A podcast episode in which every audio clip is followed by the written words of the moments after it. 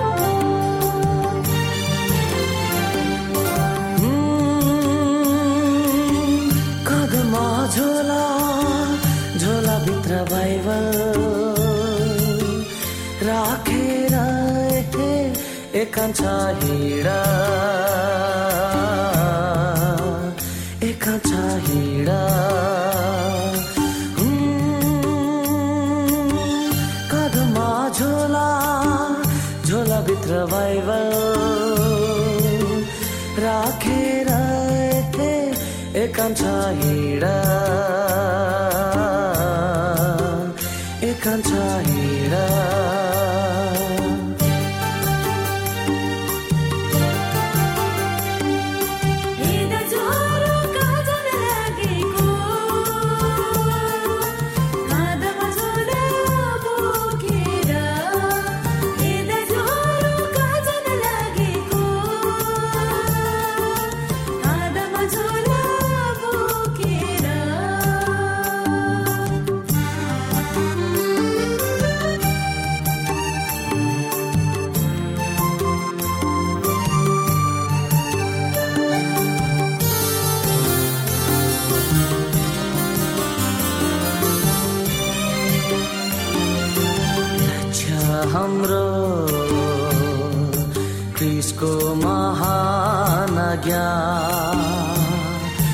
पुरो गर्न हो।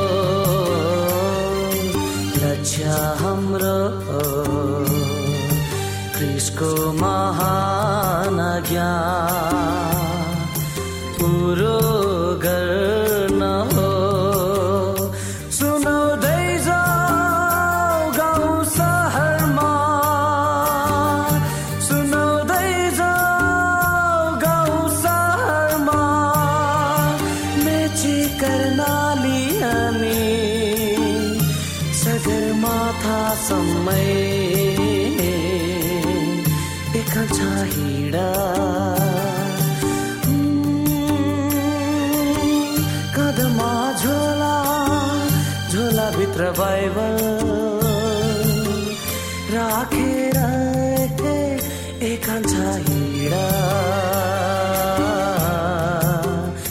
एकांशा हिडा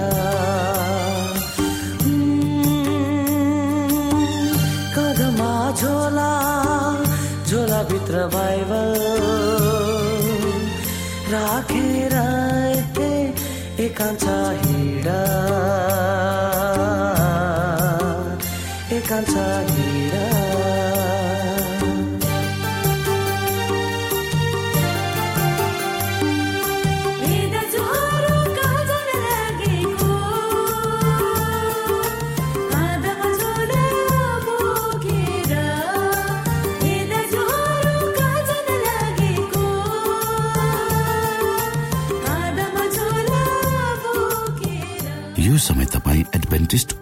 रेडियोको प्रस्तुति भोइस अफ होप आशाको बाणी कार्यक्रम सुन्दै हुनुहुन्छ। श्रोता मित्र यो समय हामी पास्टर उमेश पोखरेलबाट आजको बाइबल सन्देश सुन्नेछौ। श्रोत साथी न्यानो अभिवादन साथ म तपाईँको आफ्नै आफन्त अर्थात् पास्टर उमेश कुमार पोखरेल। परमेश्वरको वचन लिएर यो रेडियो कार्यक्रम मार्फत तपाईँहरूको बिचमा पुनः उपस्थित भएको छु। श्रोता यदि तपाईँले हिजोको हाम्रो कार्यक्रमलाई सुन्नु भएको छ भने आज म त्यही कार्यक्रमको अर्को भाग लिएर वा निरन्तरता लिएर म उपस्थित भएको छु। अर्थात् तपाईँ र मेरो भविष्य वा संसारको भविष्य र परमेश्वरको योजना। श्रोत साथी आजको प्रस्तुतिलाई पस्कनुभन्दा पहिले आउनुहोस् म परमेश्वरमा अगुवाईको लागि प्रार्थना गर्नेछु। जीवी जिउँदो महान दयालु परमेश्वर प्रभु धन्यवादी छौँ हामी। यो समयको लागि हामीलाई दिनुभएको आशिषहरूको लागि। यो कार्यक्रमलाई म तपाईँको चरणमा राख्दछु प्रभु। यसलाई तपाईँको राज्य र महिमाको प्रचारको खातिर तपाईँले प्रयोग गर्नुहोस् ताकि धेरै मानिसहरूले यो कार्यक्रम मार्फत तपाईँलाई चिन्न सकुन् तपाईँको राज्यमा आउन सकुन्। सबै बिन्ती प्रभु यीशुको नाम। आमेन।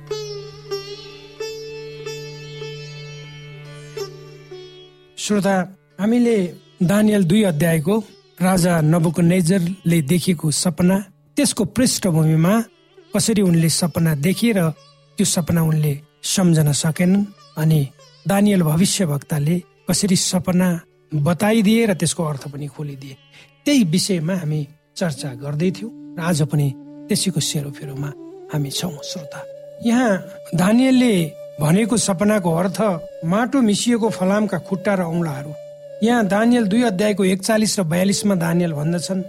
जसरी तपाईँले देख्नुभयो कि खुट्टा र औँलाहरू अलिकति पोलेको माटो र अलिकति फलामका थिए त्यसरी नै एउटा विभाजित साम्राज्य हुनेछ तर पनि यसमा केही फलामको शक्ति रहनेछ। जसरी तपाईँले माटो मिसिएको फलाम देख्नु भएको छ जसरी खुट्टाका औँलाहरू अलिकति फलाम र अलिकति माटोका हुन् त्यसैले यो साम्राज्य अलिकति बलियो र अलिकति कमजोर हुनेछ। यहाँ दानियलले पाँचौं विश्व साम्राज्यको होइन तर रोमको लौह राजतन्त्रको एउटा विभाजनको पूर्व अनुमान गरेका थिए। रोम दसवटा राज्यमा टुक्रिनेछ जसरी खुट्टा र त्यसका दस औंलाहरूले संकेत गरेका थिए। के यो साँच्चै भयो त? यो युगको चौथो र पाँचौं शताब्दीमा उत्तरतिरका बर्बर आक्रमणकारीहरू पतनमुखी रोमन साम्राज्यमाथि खने चोटपछि चोट दिँदै अन्त्यमा दसवटा जातिहरूले पश्चिमी रोमको अधिकांश भूभागहरूमा आफ्नो अधिकार प्राप्त गरे र युरोपको सीमाभित्र उनीहरूले एक दस पृथक र स्वतन्त्र राज्यहरू स्थापित गरे। त्यसैले खुट्टाका औँलाहरूले आजको युरोपको आधुनिक राष्ट्रको प्रतीकलाई इङ्गित गर्दछ। हाम्रो समयमा बाइबल भविष्यवाणीको अर्थ के हुनेछ त श्रोता? के दानियलको भविष्यवाणीमा पूर्व अनुमान गरिएको छ कि युरोपका यी राष्ट्रहरूलाई एउटा शासकको मातहतमा एकजुट पार्ने प्रयास गरिनेछ। अगाडि यहाँ दानियल भन्छन् दानियल दुईको त्रिचालिसमा र भर्खरै तपाईँले देख्नुभयो पोलेको माटोमा फलाम मिसिएको त्यसैले मानिसहरू पनि एउटा मिश्रण हुनेछन् र फलाममा माटो मिसिए झै एकजुट रहने छैन। एक शक्तिशाली व्यक्तिहरूले युरोपलाई एकजुट गर्ने प्रयास गरे। र प्रत्येक पटक उनीहरू लक्ष्यमा पुग्न सकेनन्। विभाजित युरोपलाई एक पार्ने कुरामा नेपोलियन सबैभन्दा नजिक पुगे। सम्भवत यस भविष्यवाणीलाई सोद्धा वाटर लुको युद्धमा पराजित भएर भाग्दै गर्दा उनी चिच्याए र भने सर्वशक्तिमान परमेश्वर मेरो लागि निकै अधिक छन्। कैसर ब्लेहेम दोस्रो र एल्फोर्ड हिटलरले आफ्ना समयमा सबैभन्दा शक्तिशाली सशस्त्र सेनाहरू बनाएका थिए। र दुवै नै आफ्नो शासनमा युरोपलाई एकजुट पार्न असफल भए। किन? किनकि परमेश्वरको वचन दाउमा थियो। मानिसहरू एक मिश्रण हुनेछन् र एकजुट हुने छैनन्। दुईवटा विश्वयुद्धका नतिजाले यो पुष्टि गर्छ कि परमेश्वरले भविष्य आफ्नो हातमा राख्नुहुन्छ। उहाँ नै अन्तत नियन्त्रणमा हुनुहुन्छ। अर्थात् परमेश्वरले सबै कुरो नियन्त्रण गर्नुहुन्छ। हाम्रो जीवनको लागि उहाँको योजना यो नै हामीलाई आशा मनको शान्ति र भरोसा दिनमा पर्याप्त छ। श्रोत साथी दानियल भविष्यवाणीको केवल एक भाग मात्र पुरा भएन। मूर्तिको खुट्टामा ठोकेर त्यसलाई धुलो पार्ने र एउटा विशाल पहाड बनेर समग्र पृथ्वीलाई ढाक्ने ढुङ्गाको कुरा त्यहाँ गरिएको छ। यहाँ भनिएको छ यसले ती सबै राज्यहरूलाई दमन गर्नेछ। तिनीहरूलाई एउटा अन्त्यसम्म पुर्याउनेछ र यो आफै सदाको लागि टुक्रिनेछ। ती राजाहरू केवल त्यस मूर्तिको खुट्टा र औंलाहरूले सङ्केत गरे सरका राजाहरू। हाम्रो समयका आधुनिक युरोपका शासकहरू हुनेछन्। कुनै मानिसको हात बिना काटिएको त्यो ढुङ्गाले मूर्तिलाई ठोक्नु थियो। त्यसलाई टुक्रा टुक्रा पार्नु थियो। त्यसपछि समग्र पृथ्वीलाई ढाक्नु थियो छिट्टै यसो एउटा राज्य स्थापना गर्न स्वर्गबाट झर्नुहुनेछ। खुसी र शान्तिको उहाँको राज्यको लागि। तब क्रिस्ट युग युगका चट्टान र राजाहरूका पनि राजाले संसारलाई सदाको लागि शासन गर्नुहुनेछ। मूर्तिलाई ढुङ्गाले ठोक्ने अन्तिम कार्य बिना दानियलको भविष्यवाणीका सबै कुरा बितिसके। परमेश्वरका पुत्र येसु क्रिस्टले मानव इतिहासको लामो रक्तपूर्ण सङ्घर्षलाई अन्त्य गरेर प्रेम र दयाको आफ्नो अनन्त साम्राज्य स्थापित गर्दै हुनुहुन्छ श्रोता परमेश्वरको सपना र तपाईँ अनि म। यो भविष्यवाणीले राष्ट्रहरूको उत्थान र पतनमा परमेश्वरको निर्देशक हातको खुलासा गर्दछ। अर्थात् सबै कुरा परमेश्वरबाट नियन्त्रित र उहाँको हात सबै कुरामा थियो भन्ने कुरा स्पष्ट गर्दछ। परमेश्वरले विगत जान्नुहुन्छ उहाँलाई थाहा थियो। र यो बाइबल भविष्यवाणीले प्रष्टसँग देखाउँछ कि उहाँले भविष्यबारे पनि राम्ररी जान्नुहुन्छ।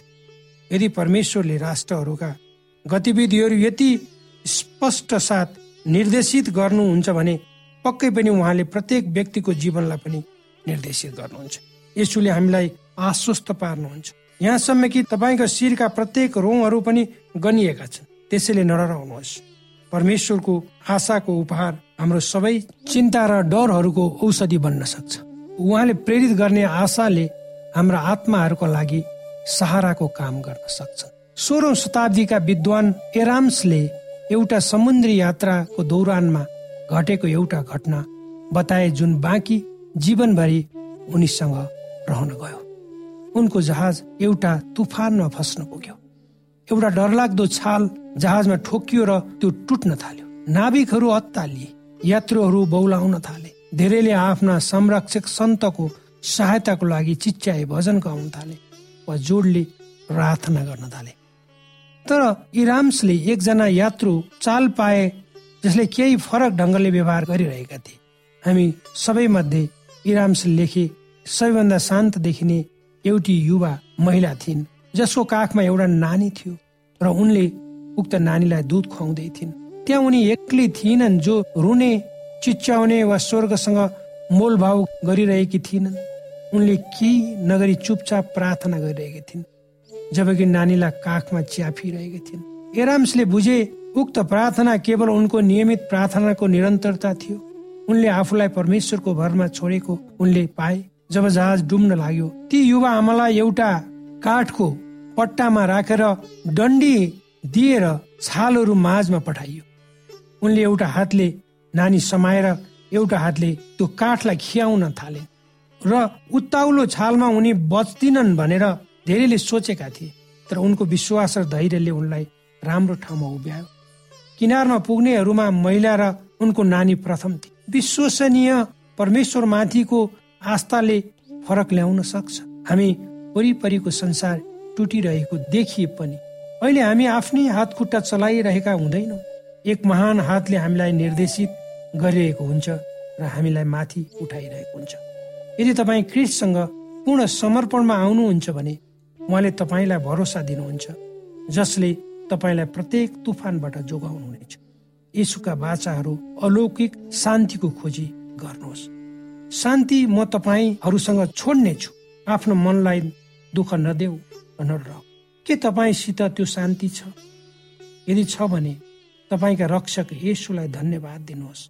छैन भने अझै तपाईँको जीवनमा निम्ताउनुहुन्न श्रोता आजको प्रस्तुति तपाईँलाई कस्तो लाग्यो? यदि तपाईँका कुनै जिज्ञासाहरू छन् भने कृपया गरेर हामीलाई हाम्रो सम्पर्कको ठेगानामा तपाईँले सम्पर्क गरेर हामीलाई खबर गर्न सक्नुहुन्छ। तपाईँको भविष्य र मेरो भविष्य हाम्रो हातमा छैन श्रोता तर परमेश्वरको हातमा छ। तपाईँ र मैले संसारमा रहँदाखेरि आफ्ना दुःख कष्टहरू सांसारिक बोझहरू परमेश्वरमा पर्छ र परमेश्वर त्यही चाहनुहुन्छ। परमेश्वरले तपाईँलाई आशिष दिनु श्रोता भर्खरै यहाँले पास्टर उमेश पोखरेलबाट बाइबल वचन सुन्नुभयो। यो समय तपाईँ एडभेन्टिस्ट ओल्ड रेडियोको प्रस्तुति भोइस अफ होप आशाको बाणी कार्यक्रम सुन्दै हुनुहुन्छ। कार्यक्रम सुनेर बस्नुहुने सबै श्रोतालाई हामी हाम्रो कार्यक्रममा स्वागत गर्न चाहन्छौ। श्रोता मित्र यदि तपाईँ जीवनदेखि हरेस खानु भएको छ तपाईँका जीवनमा धेरै अनुत्तरित प्रश्नहरू छन् भने आउनुहोस् हामी तपाईँलाई परमेश्वरको ज्योतिमा डोहोर्याउन चाहन्छौ। र तपाईँ आफ्नो जीवनका चिन्ता फिक्रीबाट निश्चिन्त हुनुहोस् र बाँच्नुको आनन्द परमेश्वरको सामिप्यमा कति मिठो हुन्छ त्यो चाख्नुहोस् भनी हामी चाहन्छौँ। श्रोता यदि तपाईँ आशाको बाणी कार्यक्रमलाई अनलाइन सुन्न चाहनुहुन्छ वा डाउनलोड गर्न चाहनुहुन्छ भने डब्लु डट एडब्लुआर डट ओआरजीमा जानुहोस्। त्यहाँ तपाईँले प्रत्येक दिनको कार्यक्रम सुन्न र डाउनलोड गर्न सक्नुहुनेछ। हाम्रो वेब पेज यस प्रकार छ W dot AWR dot ORG श्रोता यदि तपाईँ हामीसित सिधै फोनमा सम्पर्क गर्न चाहनुहुन्छ भने हाम्रा नम्बरहरू यस प्रकार छन्। अन्ठानब्बे एकसाठी पचपन्न शून्य एक सय बिस। अन्ठानब्बे एकसाठी पचपन्न शून्य एक सय बिस। र अर्को अन्ठानब्बे अठार त्रिपन्न पन्चानब्बे पचपन्न। अन्ठानब्बे अठार त्रिपन्न पन्चानब्बे पचपन्न। यो आशाको बाणी रेडियो कार्यक्रम हो। म प्रस्तुता धनलाल राई यहाँहरूलाई यस कार्यक्रममा न्यानो स्वागत गर्दछु। आजको समसामयिक विषयको प्रस्तुतिमा उद्देश्य प्रेरित पुनर्जन्म देश देशभरका आत्मा परिवर्तनका कथाहरू प्रस्तुत छ। स्वीकार्नुहोस्। आजको कथा श्रापबाट मुक्ति चानमिन चु मध्य पूर्व एसिया। श्रोत साथी मध्य पूर्वको विश्वविद्यालयमा भर्ना हुने समयमा शनि र सलमाको भेट भएको थियो। तिनीहरू त्यस विश्वविद्यालयको प्रथम वर्षमा अध्ययन गर्न भर्ना भएका थिए। एसियाबाट आएकी सनी वाल्डन सिएन विद्यार्थी थिइन्। त्यो विश्वविद्यालय एडभेन्टिज चर्चको मिडिल इस्ट र नर्थ अफ्रिका युनियन भित्र पर्दछ। सलमा चाहिँ स्थानीय विद्यार्थी थिइन् जो यसुलाई विश्वास नगर्ने घरमा हुर्केकी थिइन्। ती दुई युवतीहरू छोटो समयमै साथी भए। तिनीहरू एउटै क्लासमा जान्थे र एउटै छिमेकी टोलमा बस्दथे। आफ्नो साथी त एडभान्टेज इसाई पो रहेछन् भनेर सलमाले चाँडै नै थाहा पाइन्। इसाईहरूबाट पन्सिएर बस्नुपर्छ भनेर उनलाई सिकाइएको थियो। तर शनि ज्यादै दयालु र इमान्दार थिइन्। जब तिनीहरूको मित्रता बढ्दै गयो तब शनि बसेको ठाउँमा एक दिन शुक्रबार आराधना सेवामा भाग लिन सलमालाई शनिले अनुरोध गरे। त्यो अनुरोधलाई उनले पनि स्वीकारिन्। उक्त संगतिमा अरू एडभान्टेजहरूलाई पनि सलमाले भेटिन्। तिनीहरूको मित्र हो स्वभाव र मन खोलेर गर्ने छलफल अनि बानी व्यवहार सलमालाई मन पर्यो। अनि प्रत्येक शुक्रबार उनी पनि अरूसँगै भजन गाउन प्रार्थना गर्न थालिन्। एक वर्षपछि शनिले सलमालाई एडभान्टेज चर्चमा आउन आग्रह गरिन्। त्यो उनले स्वीकारिन्। तर उनका परिवार र साथीहरूले भने उनको कडा आलोचना गरे। त्यहाँ किन गयो? एकजनाले सोध्यो। त्यसको मतलब के तिमी क्रिस्चियन भयो? अर्कोले सोध्यो। सलमा यदि तिमी इसाई भयो भने तिमीलाई श्राप लाग्छ भनेर उनको परिवारले उनलाई चेतावनी दिए। सलमालाई चिन्ता त लागेको थियो तर चर्चमा भने गइ नै रहन्। युवा युवतीहरूको गीती समूह वायरमा भाग लिन पाउँदा उनी रमाएकी थिइन्। साथै स्वास्थ्यको सेमिनारहरूमा पनि उनले भाग लिन थालेकी थिइन्। उनको एडभान्टेज साथीहरूले उनको निम्ति पनि प्रार्थना गर्न थाले। एक शुक्रबार संगतिको समयमा सबैजनाले यसुको जीवनीको भिडियो हेरे। त्यसपछि प्रेरितको पुस्तक अध्ययन गर्न सलमाले अनुरोध गरिन्। उनको अनुरोधले मलाई अचम्म बनाएको थियो किनभने वर्षभरि नै उनले बाइबल पढ्न चासो देखाएकी थिइन् सनीले भने सलमा हरेक हप्ता हुने बाइबल अध्ययनमा सरिक भइन्। तर बत्तिसमा लिने विषयमा भने चासो नभएको कुरा उनले गरेकी थिइन्। उनको कारण आफ्नो परिवारमा श्राप पर्ला भनेर उनी चिन्तित थिइन्।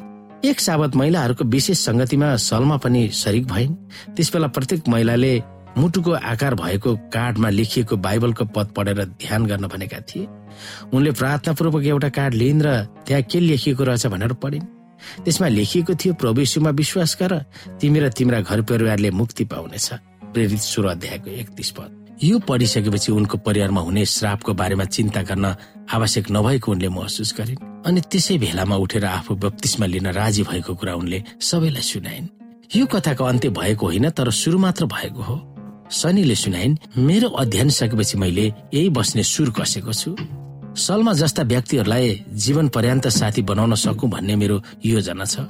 उनी जस्तै अरू मानिसहरू पनि आउन् भनेर मैले परमेश्वरसँग प्रार्थना गरिरहेको छु। सनीले आफ्नो योजना यी लेखकलाई सुनाइन्। श्रोता यस कथाका लेखक मिडल इस्ट र नर्थ अफ्रिका युनियनको संचार निर्देशक हुनुहुन्छ।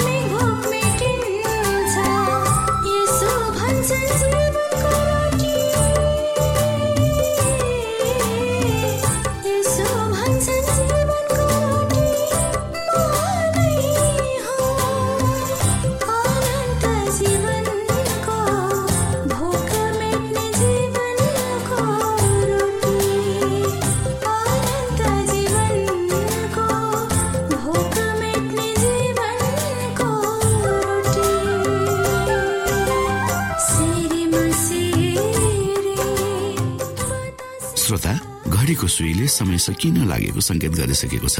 श्रोतासँग अरू समय बिताउने चाहना हुँदा हुँदै पनि हामीले कार्यक्रमबाट विदा माग्ने समय आइसकेको छ। हाम्रो कार्यक्रमको विषयमा जानकारी लिनको लागि हाम्रो कार्यक्रममा सम्पर्क गर्नका लागि हाम्रो ठेगानाको बारेमा यहाँलाई जानकारी गरौं। आशाको बाणी पोस्ट बक्स नम्बर दुई शून्य शून्य शून्य दुई काठमाडौँ नेपाल। यसै गरी श्रोता यदि तपाईँ हामीसित सिधै फोनमा सम्पर्क गर्न चाहनुहुन्छ भने हाम्रा नम्बरहरू यस प्रकार छन्। अन्ठानब्बे एकसाठी पचपन्न शून्य एक सय बिस। अन्ठानब्बे एकसाठी पचपन्न शून्य एक सय बिस। र अर्को अन्ठानब्बे अठार त्रिपन्न पन्चानब्बे पचपन्न। अन्ठानब्बे अठार त्रिपन्न पन्चानब्बे पचपन्न। श्रोता तपाईँ हामीलाई इमेल पनि गर्न सक्नुहुन्छ। हाम्रो इमेल एड्रेस यस प्रकार छ Nepal at AWR dot ORG यदि तपाईँ हामीलाई अनलाइन सुन्न चाहनुहुन्छ वा डाउनलोड गर्न चाहनुहुन्छ भने तपाईँ W W W dot AWR dot ओआरजीमा जानुहोस् र त्यहाँ तपाईँले हाम्रो सबै कार्यक्रमहरू सुन्न सक्नुहुनेछ। हवस् त श्रोता हाम्रो कार्यक्रम सुनिदिनु भएकोमा एकचोटि फेरि यहाँलाई धन्यवाद दिँदै भोलि फेरि यही स्टेशन र यही समयमा भेट्ने बाजा गर्दै प्राविधिक साथी राजेश र पास्टर उमेश पोखरेल र कार्यक्रम प्रस्तुता म रवि यहाँसँग विदा माग्दछौ। परमेश्वरले तपाईँलाई धेरै धेरै आशिष दिनु भएको होस्। नमस्कार।